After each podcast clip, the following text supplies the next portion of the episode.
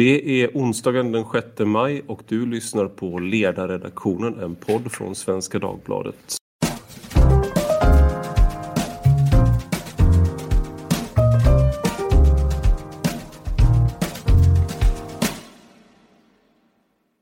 Och med mig idag för att prata om, en, eh, om intelligens har jag Maria Gunther som har skrivit boken Smart, vad vetenskapen säger om intelligens. Välkommen! Tack så mycket! Och eh, det här ämnet intelligens är ju väldigt eh, lustigt för att det är väldigt någonting som otroligt alla har en uppfattning om och eh, som du skriver, de allra flesta av oss är övertygade om att vi är över snittet eh, i intelligens. Eh, samtidigt som det och, och, samtidigt som väldigt många pratar om Eh, Eh, och delar upp människor i smarta och osmarta, om man är intelligent, det där är inte så smart och sånt där, så är det också väldigt kontroversiellt. Ehm, och någonting som jag tyckte var väldigt talande när man läser din bok, det är när du skrev, eh, du beskriver i din, i din bok hur du eh, började intressera dig för det här när du på DNs vetenskapsredaktion skulle skriva om intelligens och så 2004 så gick du och gjorde ett intelligenstest hos Mensa. Ehm, det här föreningen för folk som är lite smartare än snittet. Eller ganska mycket smartare, eller har en högre IQ i alla fall. Och så skrev du eh, Gjorde du det testet, sen så skrev du en artikel och så hade du en rubrik eh, och en ingress. Och i ingressen så stod det Ingen vet vad intelligens är men den går att mäta. Och sen så ändrades både rubrik och ingress av någon klåfingrig redaktör på tidningen. Eh, och hela innebörden då i artikeln sen stämde inte ihop med varken rubrik eller ingress. Eh, och jag, tycker, jag tänkte bara fråga där, vad är det som gör att intelligens är så kontroversiellt, tänker du? Så det är en jättebra fråga och jag har ju liksom alltid förstått att det är kontroversiellt. Och riktigt hur kontroversiellt det verkligen är har jag liksom egentligen inte insett förrän jag började skriva boken nu för några år sedan. Även trots det här på DN. Men det är väl, ja, ligger vi i det här liksom att vi kan ju alla tänka. Alltså vi alla har vi ju en hjärna liksom, men sen att, att de skulle fungera olika bra eller olika sammanhang, det är ju ganska, det är ganska provocerande på många sätt. Att kan du förklara vad, alltså vad, du skrev där då i den ingressen och det är någonting du skriver i boken också, vad är intelligens? Uh, och vad är det man mäter när man mäter intelligens? Ja, vad intelligens är, det, det, det, har väl alla kanske sin egen definition av. Men, men eh, generellt kan man säga att intelligens är förmågan att anpassa sig efter sin miljö, att eh, äh, ja, eller dra nytta av erfarenheter och att lösa problem. Alltså det är något väldigt generell beskrivning av intelligens kanske. Men eh, sen har man ju då, det är det som intelligenstester mäter, eller när IQ-tester mäter, det, det är kanske det som folk mer blir provocerade av. Om mm. um, vad det är som de här, till exempel inträdesprovet till Mensa, då mäter det någon egenskap som är användbar till någonting annat än att läsa just, lösa just intelligenstester.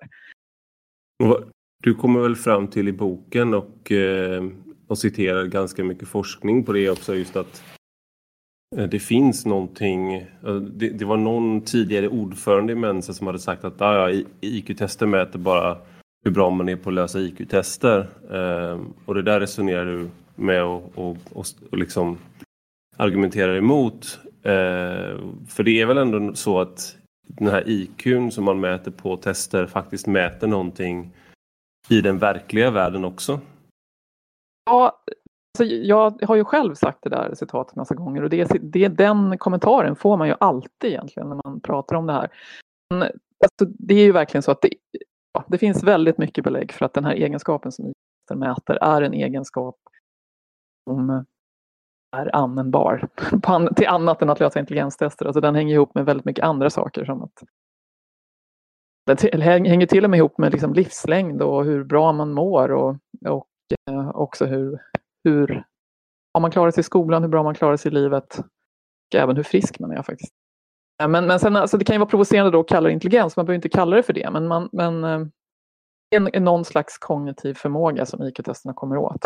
Jag tänker, eh, om jag frågade, jag sa att jag skulle prata med dig så var en fråga som kom som någon ville ställa var att eh, om du är så smart varför är du inte rik? Att det är en ganska vanlig fråga liksom att man eh, Eh, finns det någon korrelation mellan IQ och eh, framgång så att säga eller IQ och eh, ekonomisk framgång mer specifikt?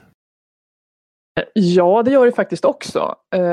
Men det finns, jag säger så här om man, ehm, att man är ofta, alltså det är en ganska, man bara ska mäta en sak när man ska anställa någon. Om man bara kan mäta en sak så, så kan IQ vara den som har mest, mest om hur, hur bra man kommer lyckas på jobbet. Men å andra sidan, det finns ju väldigt mycket som IQ-testen inte mäter också ska jag säga. Den mäter ju inte hur rationell man är eller hur fördomsfull man är eller andra saker. Så det, det mäter ju inte allt. Jag vill bara notera det också. Men det där tror jag är provocerande för många just det här med eh, att, att IQ-test på något sätt skulle vara bättre än en personlig intervju. Eh, men jag vet att det där var ju någon, någonting som Daniel Kahneman, den här psykologen som vann Nobelpriset för några år sedan, att han, när han, någonting han införde var just när han, han anställdes av israeliska armén. Eh, han beskriver det här i Tänka snabbt och långsamt. Han, han eh, skulle då förbättra eh, testerna där man utvärderade hur bra någon skulle klara en officersutbildning i den israeliska armén och då tog han bort, han föreslog att man skulle ta bort hela, så liksom mycket som möjligt av så att säga samtal och där en person sitter och bedömer, sitter och bedömer en, en, en psykolog bedömer en person liksom med så öppna frågor ungefär. Eh, och det där känns ju väldigt kontraintuitivt tror jag för många där man tycker att just de här standardiserade tester där du får en poäng och liknande att de borde ju vara tvärtom vara sämre än just en sån bedömning du får av en, eh, en intervjusituation till exempel. Ja, eh, det är ju eh, Alltså det, det, det, fin det, finns ju två svar här. Då. Dels alltså, eh, så visar det att det har bättre förutsättningar. Eh, eh, det finns ju mycket forskning som visar att det här är det som har allra, allra bäst. Att, ett IQ-test kan vara bättre än en intervju. Men det finns också, sen finns det också en, en, en studie som gjord i Sverige som jag skriver om som är gjorda från eh, män födda mellan 1965 och 74. Och så då jämförde man resultat från mönstringen och sen jämförde man vad de jobbade med år 2006. Då. Mm. Då kan man ju se att alltså, högst upp, alltså de som har klarat sig bäst, där är, där är IQ. Hur, vilken, vilken, vilket resultat de fick på intelligenstesten och mönstringen, Den kan vara ganska avgörande för hur bra det har gått. Men om man tittar på de, de lägsta 10 procenten, alltså de som det har gått sämst för, eh, ja, alltså rent arbetsmässigt och inkomstmässigt och så, där är det inte IQ som spelar stor utan där spelar de här personliga egenskaperna som kom fram i psykologi eller psykologintervjuer mycket större roll för hur det går, liksom hur länge de är arbetslösa och hur lätt de har att behålla jobb och så. Så att, man, så att forskarna utsats i den studien var att liksom IQ kan vara avgörande för att lyckas bra, men de andra egenskaperna är mer avgörande för att inte misslyckas. Okej, okay, så typ det man kallar för grit till exempel eller jävlar anamma har, jag, har man ju pratat väldigt mycket om på senare år och att, att man ska vara, ha growth mentality istället för att vara liksom eh, och, och att man ska vara, ha, ha ett visst sätt att se på livet och sånt där. Det är mer som ett skyddsnät då i så fall för att misslyckas snarare än att det är det som hjälper en att nå allra längst. Är det så, ungefär så man skulle kunna tolka den slutsatsen i alla fall? man skulle kunna tolka det något i den stilen. Nu vet jag inte om growth mindset och grit är ju ett ord där. Men, men, men eh, alltså de, de tittade på vilka psykologutlåtanden som han hade fått i mönstringen och där, där, där psykologen mer avgjorde liksom hur, hur lämplig, hur skulle den här personen klara sig i strid. Liksom. Mm. Hur, hur, och liksom, hur bra är den på att samarbeta? Det är sånt som går in, ingår då, samarbetsförmåga, hur bra man är på kritik och sånt där. Mm. Eh, att det är sådana egenskaper som kan vara betydligt, ja, betydligt viktigare för att överhuvudtaget ta sig in på arbetsmarknaden. Deras slutsats. Just eh, grit och growth mindset, jag tror inte att det finns speciellt starkt forskningsstöd för någon av de sakerna. Men det, det, där tänker jag är, alltså jag, jag snöade in lite kort eh, på, jag läste den här eh, Grit av Angela Duckworth, den boken som kom och läste lite om det där och Ehm, Anders Ericsson eh, som har forskat om hur man, eh, hur man blir framgångsrik på någonting och att han har skrivit en bok som heter Peak och, handlar om, och det var han som gav upphov till eh, den här 10 000 timmars regeln, alltså att du ska behöver ägna dig 10 000 timmar i snitt för att bli bra på någonting. Och sen var det Malcolm Gladwell som Eh, populariserade den sen senare. Men jag tror att en anledning som jag tänker till att den typen av teorier har blivit så populära eh, är just att man, det finns en potential då. Det handlar om inställning, det handlar om någonting du själv kan göra. Medan intelligens och IQ, eh, just vilket du skriver om också i boken, just att där finns det ju en en ärftlig faktor, det finns en genetisk faktor med intelligens, att man känner att om det är IQ som avgör, då är det någon annan på något sätt som har satt ramarna. Eh, eller ens egen eh, medfödda förmåga på något sätt. Eh, och, att det är, finns det något fog för att man då på något sätt hämmar människor genom att överhuvudtaget hålla på och syssla med prata om IQ och intelligens. Alltså förstör du för människor med din bok så att säga? Alltså det, det är ju, det är ju det är absolut kan man ju ställa sig de frågorna men det är ju vi har ju det finns ju så många andra områden där vi har olika förutsättningar där det inte är något problem. Alltså vi, jag menar vi, vi har olika, vissa ser bättre än andra, då liksom fixar vi det med glasögon. Liksom. Alltså vi, alltså, är det, jag tycker att det är ärligare att tala om, okej okay, vi har olika förutsättningar från början. Sen, sen vad vi gör med dem, de, eh, det forskningsresultatet, det handlar ju mer om ideologi och politik. Liksom. Att då, då ska vi se till att alla ändå får samma möjligheter att få ett, ett eh, meningsfullt eh, liv. Alltså det, det, är en sak att välja, eller också en annan, en annan linje som man kan välja som andra har valt i historien är att okej, okay, men då struntar vi i de här som inte har den förmågan. Men, mm. men, eh, men då handlar, då, handlar det liksom, det, då handlar det inte om forskning, då handlar det om ideologi och politik. Och jag tycker att eh, eftersom det finns väldigt tydliga forskningsresultat på visar att vi faktiskt har olika bra förutsättningar. Så jag tycker inte att det är... Jag, jag tycker det skulle vara fel att inte forska om det, att ta reda på mer om det. Bara för att man kanske inte gillar resultatet. Någonting som eh, eh det finns ju mycket som både, så att säga, man kan säga att man kan gå in i den här forskningen eh, både som vänster och höger och eh, ingen kommer ut helskinnad så att säga. Jag tänker på Um, du skriver bland annat så här i din bok att varken supermat, mat, Mozart, appar, schack, böcker hemma eller amning kan alltså höja intelligensen hos barn. Och bara där, den inledande meningen, så förstör du för väldigt många medelklassföräldrar som tror att de kan ge, göra sina barn framgångsrika och intelligenta genom att planera allting in i minsta detalj och spela klassisk musik i mot gravida magar och sånt där. Och sen skriver du, men det finns ett säkert, vattentätt, långsiktigt och pålitligt sätt att öka barns kognitiva förmåga i hela befolkningen, skolan. Och då är det ju en, det där känns ju, egentligen så känns det logiskt men på ett annat sätt så, så skulle tänka att du skulle kunna få bena ut bara för att å ena sidan så är IQ då en individuell egenskap och å andra sidan så kan man höja IQ genom en kollektiv eh, insats. Hur hänger det ihop? Det där, jag är inte helt säker på att jag har ett jättebra svar på det. Men man kan ju säga att IQ det handlar ju också om eh, förmåga till abstrakt tänkande. Ehm, jag har ett annat exempel i boken. Det var en forskare som eh, han, eh, på, i början av 1900-talet så intervjuade han bönder på tyska landsbygden. Bönder som var analfabeter. Eh, och så frågade han dem vad är det för likhet på en häst och en hund? Och jag menar, vad säger det nu? Vad skulle du säga? Vad är det för likhet på en häst? Du kanske har läst det exemplet i boken. Ja, nej, men det är båda djur, det är båda däggdjur. Uh, gå på alla fyra. ja, exakt så. Men alltså, ja. det, det, svaret som de gav var ju att båda använder man i jakt. Ja, och alltså, så att det här, att, så att det här eh, är med abstrakt tänkande som kanske tidigare innan allmän skolgång var någonting som bara människor som håller på med eller forskningseli, forskareliten ägnar sig åt. Så det är någonting som har blivit allmänt i hela samhället, att det är någonting som vi har lärt oss.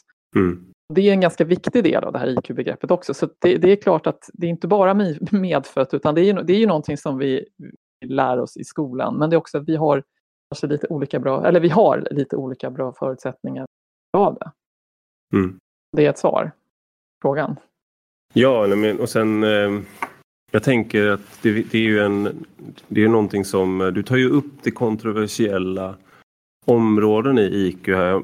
Ras är ju en sån där, eh, eller race på engelska, etnicitet på svenska. Alltså, eh, du tar ju upp att det är liksom människor har en, som håller på med det här området. Ibland så kommer de och är intresserade av det här området kanske av fel skäl så att säga. Eller de kommer eh, om, om, man, kan ju, man kan se att det, när man har utforskat det här tidigare, att man har kunnat se till exempel skillnader mellan olika grupper och så har man dragit väldigt långtgående slutsatser. Och jag tänker att eh, det finns ju en del som tyder på att eftersom vi alla, alla har blivit smartare eh, de senaste hundra åren, alltså IQ i hela samhället har höjt, så, så finns det ju eh, det finns ju faktorer så att säga i det här som är just socioekonomiskt och som är kollektiva eller samhälleliga i vad man har för IQ. Och sen finns det även en ärftlig faktor. Alltså det gäller ju även, man kan också, alltså det gäller ju samma sak med längd. Liksom, att det, det vi har ju mm. allihopa blivit längre. Och att vi har liksom bättre förutsättningar, vi har bättre mat, vi har... Vi kanske är... Ändå, har, ändå så är det en skillnad i hur långa är i befolkningen och skillnaden är väl ungefär ungefär lika stor nu som den var på 1800-talet, även om hela medellängden har höjts. Då. Så, att eh, det, så att det finns ju en... Det, det, går ju att tolka det, eller det är lätt att, att jag tolkar det som att det finns en genetisk skillnad hur, vilken, vilken, hur stor potential man har, men sen så beror det på miljön hur, hur eh, långt man kan nå till sin, eller hur nära sin potential man kan komma. Jag tänker på apropå längd och då att väldigt, visst det finns äh, människor som är väldigt långa så tar du, har du ju sagt eh, att det här med särbegåvade personer, eh, att det inte verkar finnas så eh, mycket stöd för det. Eh, vad menar du med det? Jag måste ju först säga att jag, jag, jag känner ju flera barn som har mått, som har högbegåvade barn som har haft det väldigt tufft i skolan och mm hade inte heller speciellt kul i skolan, i grundskolan när jag gjorde det, men, när jag gick i skolan. Men det är ändå det här, det här begreppet särbegåvning. Eh, det kanske var en av de saker som förvånade mig mest när jag jobbade med den här boken, att hur, dels hur luddigt definierat det är, att de som pratar om särbegåvning är sällan överens ens sinsemellan vad de menar med särbegåvning. För det räcker, de skriver, det räcker inte bara med hög IQ, utan de, utan de måste även ha en massa andra egenskaper. Mm. Um, och Eh, men ändå när de, sen när de ska göra uppskattningar om hur många särbegåvade barn det finns så utgår de ju ändå bara från IQ. Sen mm.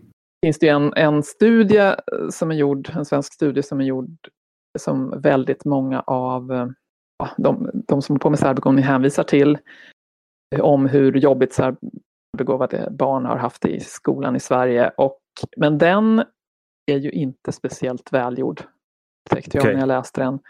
Dels är, alltså, eh, Eh, eh, de man har undersökt, alltså det, forskaren som gjorde den, han skickade en inbjudan till alla medlemmar i föreningen Mensa som fick med och så de fick anmäla själva om de ville vara med i en sån här undersökning om de hade i skolan. Och redan där är det ju det är ett ganska haft urval från början eftersom dels är det människor som själva har valt att gå med i Mensa. sen, förutom det har de också valt att vara med i en undersökning om hur de hade i skolan. Och då, då är det ju inte, det kan ganska lätt att misstänka att hade man det jobbigt i skolan så är man kanske benägen att vilja vara med i en sån undersökning. Mm. Och dessutom, men framförallt så har han inte jämfört med normalbegåvade barn. Alltså så att de, de, många av de här har mått dåligt i skolan men det finns ingenting som säger att normalbegåvade barn har mått bättre i skolan. Att, de, att, de, att just, det var just IQ som, deras höga IQ som gjorde att de mådde dåligt i skolan. Eller om det är mm. när väl alla mått dåligt i skolan någon gång. Men är det en, jag, jag tänker det här är en sån där, ehm, det är en underbar förklaring till varför man, eh, om man själv inte trivdes i skolan, att det var för att man var för begåvad. Alltså det är en, eh, alltså jag, jag tvivlar inte på att folk vill sina barns bästa och allt sånt där men eh, istället för att om, man, om, man let, om, man, om det istället är en så att säga positiv egenskap eller att man är för smart, att det är därför. Det, det är en, eh, det är en väldigt tilltalande hypotes så att säga.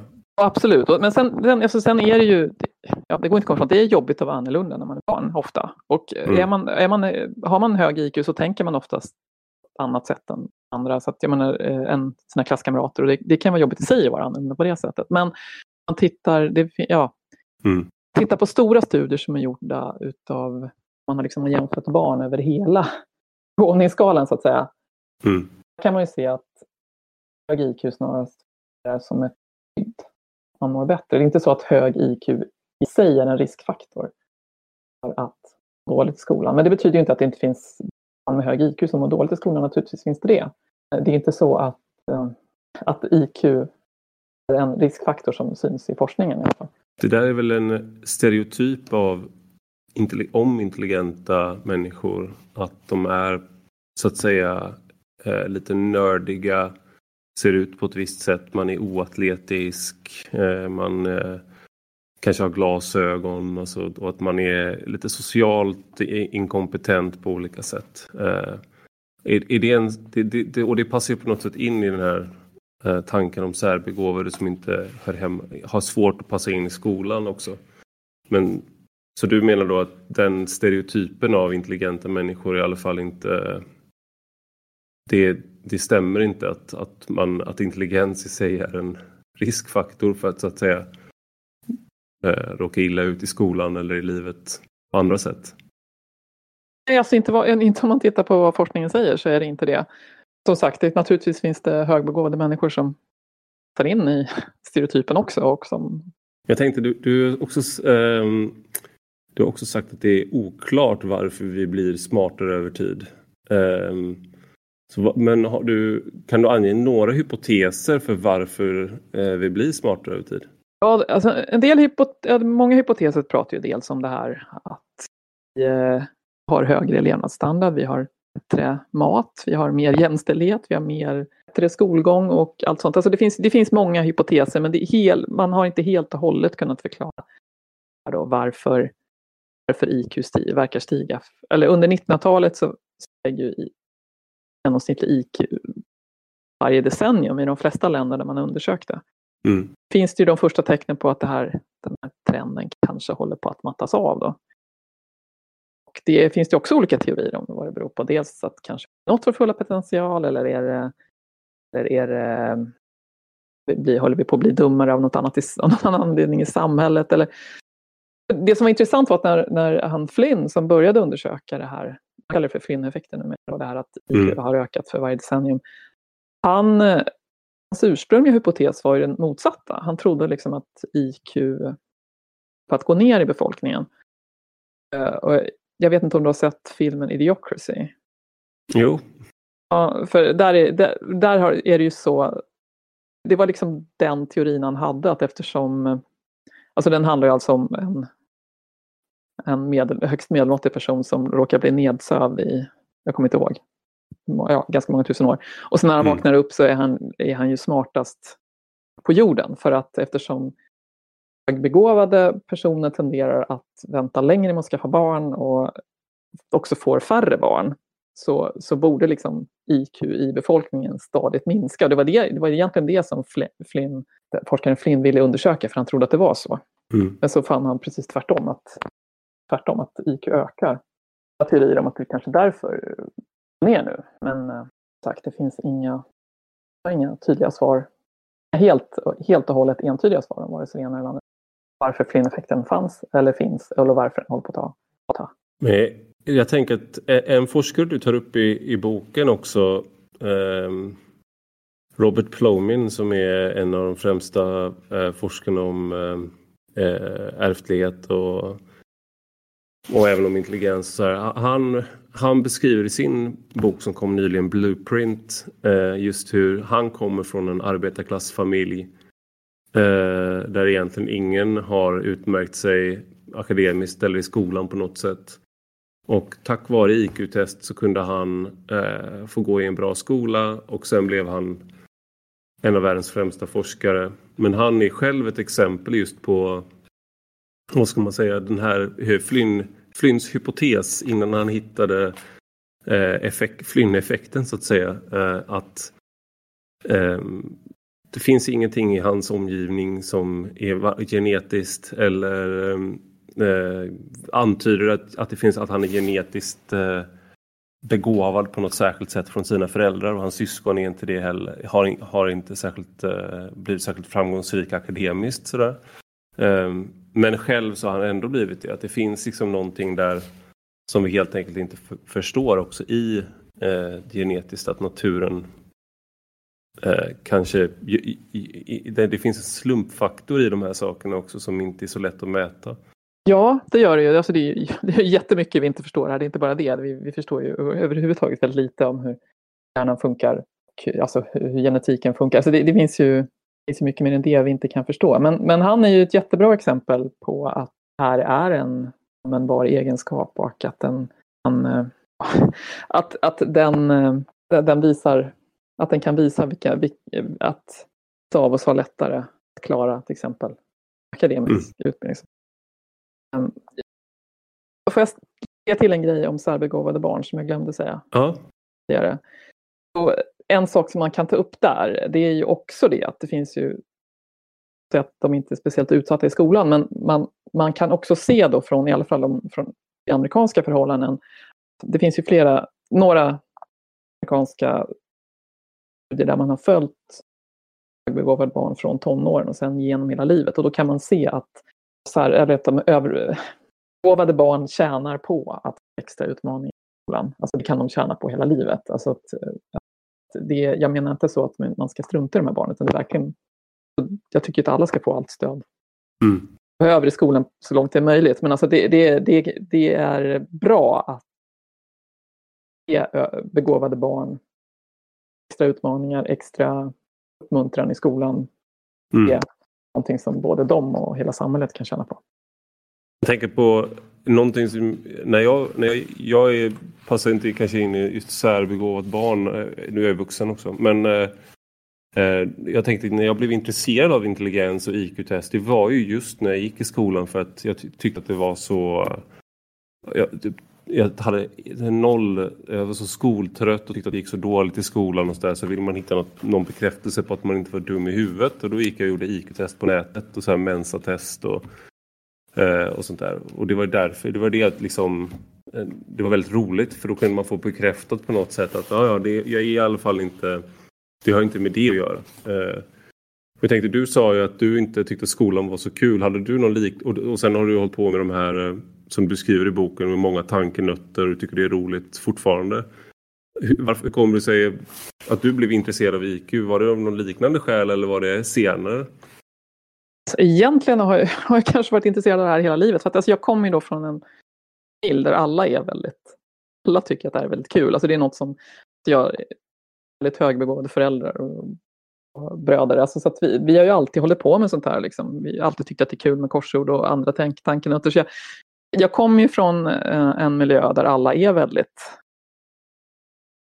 ja, har väldigt logiska hjärnor, är väl det bästa sättet att förklara, eh, beskriva det med. Och sen så, så kommer man till skolan och så inser man att jag tänker på helt andra sätt än ja, än, än vad de flesta av mina klasskompisar gör. Och jag hade liksom försökt anpassa mig efter hur alla andra var och det gick inte så bra. Men men, eh, alltså, ja, ja, jag hade en väldigt tuff skoltid, men det var det många andra som hade också. Och jag hade ju ändå det här, även om man inte blir populär av att skriva bäst på proven, blir man ju inte, så är det ju ändå mm. en någon identitet man har. Alltså det, det kan, kan jag säga så här att jag, jag gillar mig inte, men jag har i alla fall vet att det är någonting jag är bra på. Så jag har någon slags ja, jag, jag, jag, har, jag, jag, är en person i alla fall. Om men jag har en identitet mm. i att jag har någonting som mm. jag kan. Att det, det gör, gjorde det kanske lättare att, att uh, klara sig eller att, att leva. Medan jag inte hade haft det, jag hade kunnat må lika dåligt och inte vara bra i, skriva bra på proven. Då hade det ju varit ännu jobbigare. Ja, just det. Om du förstår vad jag tänker. Ja, jag, jag, jag, har, vad ska man säga, jag tror många har sådana anekdotiska eh, exempel på människor som är väldigt eh, begåvade men som det inte går, går så bra för. Eh, och det är väl lite det som jag tänker på. Eh, just att varför Mensa då, de som har då en eh, IQ är, om, om IQ har, är, normal IQ är 100 och som standardavvikelse på 15 poäng så ska du ha, är det 132 eller 131? Ja, det är 100, jag tror det är 132. Ja, ja. Över 131. Så, så du ska ha två standardavvikelser över eh, för att eh, kunna kvalificera dig till, eh, till Mensa. Då. Men varför är inte de medlemmarna i Mensa de som styr oss i, i våra samhällen så att säga? Om de är så, har så hög IQ. Eh, tycker jag är en ganska intressant fråga. Du har, beskrev ju eh, hur han som... Eh, du har, kan du inte återge, I boken har du en, en passage om en en hypotes som en forskare hade där han skulle följa människor med hög IQ över tid. Och han hade väl någon tanke om att det var, och de som när Mensa bildades så var det väl någon tanke att det här ska vara den eliten som kommer kunna göra samhället bättre och kommer kunna styra oss på något sätt. Och, istället så blev det bara folk som var intresserade av att, att lösa pussel. Ja. Är, är, det, är det den du tänker på? Ja, precis. Ja, ja nej men för det är ju... Um, jag kan säga att jag känner ju, eftersom jag, jag är ju fysiker från början och då känner man ju, har man hållit på med fysik så känner man ju väldigt många som har den här typen av intelligens för, eftersom den krävs för, för att klara fysik. Och jag känner ju jättemånga som är intelligenta på minst på Mensa-nivå, mycket högre, som aldrig skulle drömma om att gå med i föreningen. För att det, de, det intresserar dem inte. Utan, och, eh, så, men de eh, Mensa-medlemmar jag känner, de, de, är ju också, de är ju också de är ju lite nördiga på något sätt. Alltså de gillar ju det här eh, eh.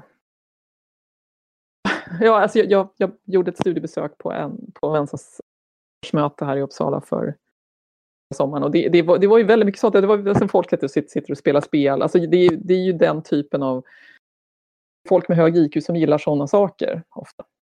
De är Mensa. Och det är ju inte helt representativt för alla med hög IQ. En viss typ. Det här har jag ju inget belägg för mer än mina personliga anekdotiska bevis. Men, men ehm, jag tror att det krävs en viss typ av personlighet också. Inte bara hög IQ för att man ska vilja gå med i den föreningen. Ja, men du skriver någonstans att det är, eh, det är inte status där du kommer ifrån att gå med i Mensa. Och det stämmer ungefär med, med min, de, eh, de kretsarna jag rör mig i också. Snarare så skulle det vara eh, Alltså någonting man gjorde eh, och inte berättade för någon kanske. Men det, jag vet inte vad det säger egentligen. Det kanske säger mer om, eh, det kanske ses som skryt. Det finns ju någonting här som är att det är nästan skrytsamt också med, med IQ om du har en hög IQ. Att man vill på något sätt skylta med det. Och, och att, att, gå med i Mensa då skulle vara ett sånt sätt. Snarare då, men egentligen kanske det är just så som du beskriver att det är, det är människor med hög IQ som gillar att lösa tankenötter och, och pussel och, och sånt där. Stort tack för att du var med i ledarredaktionen. Ja, men det var jättekul att få vara med. Tack så mycket. Och stort tack till dig som har lyssnat på ledarredaktionen och har du några synpunkter eller frågor eller så så kan du mejla oss på ledarredaktionen svd.se. Tack och hej!